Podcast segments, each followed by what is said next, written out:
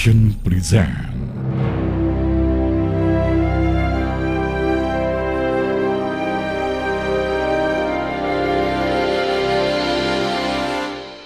Assalamualaikum warahmatullahi wabarakatuh. Halo adik-adik, apa kabarnya hari ini? Saat ini kita sudah memasuki bulan suci Ramadan.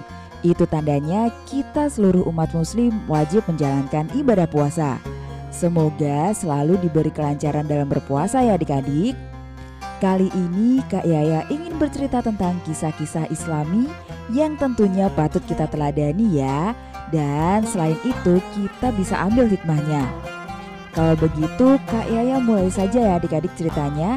Jadi selamat mendengarkan ya. Khalifah Abu Bakar As-Siddiq adalah sahabat Rasulullah Shallallahu Alaihi Wasallam yang terkenal gemar bersedekah. Hingga suatu hari Rasulullah Shallallahu Alaihi Wasallam mendengar tentang kedermawanan Abu Bakar.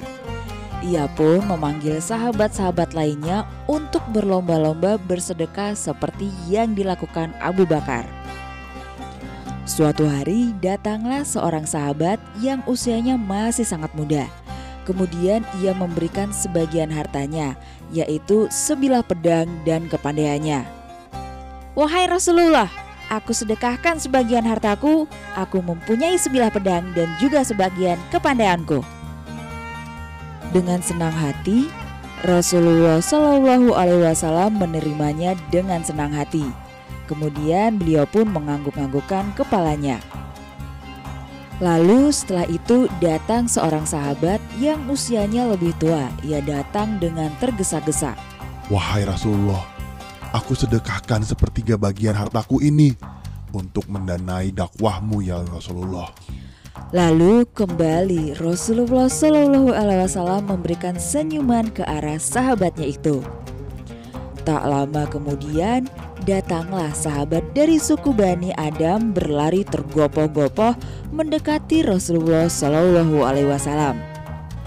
Ya Rasulullah, aku sedekahkan setengah bagian dari harta kami untuk perjuanganmu membela Islam. Lalu setengahnya lagi aku tinggalkan untuk keluarga.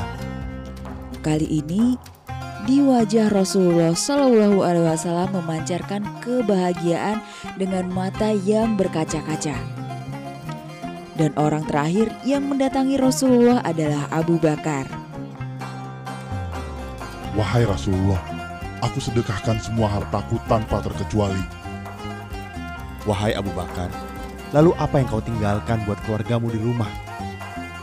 Tidak ada ya Rasulullah, kecuali Allah Subhanahu wa Ta'ala dan Rasulnya di hati sanubari anak-anak dan istriku. Subhanallah. Mendengar hal itu, Rasulullah Shallallahu Alaihi Wasallam menangis. Allah telah memberikan Abu Bakar sifat yang sangat terpuji, yaitu gemar melakukan sedekah tanpa rasa khawatir akan kekurangan. Nah, itu tadi cerita tentang para sahabat Rasul yang berlomba-lomba untuk bersedekah di jalan Allah. Bagi kita umat muslim, jangan khawatir harta kita akan berkurang jika kita gunakan untuk bersedekah di jalan Allah. Baiklah adik-adik, sampai di sini dulu ya. Nantikan kisah-kisah lainnya di podcast Cerita Nabi dan Rasul. Sekarang Kak Yaya pamit undur diri dulu. Insya Allah kita akan bertemu kembali. Selamat menunaikan ibadah puasa. Wassalamualaikum warahmatullahi wabarakatuh.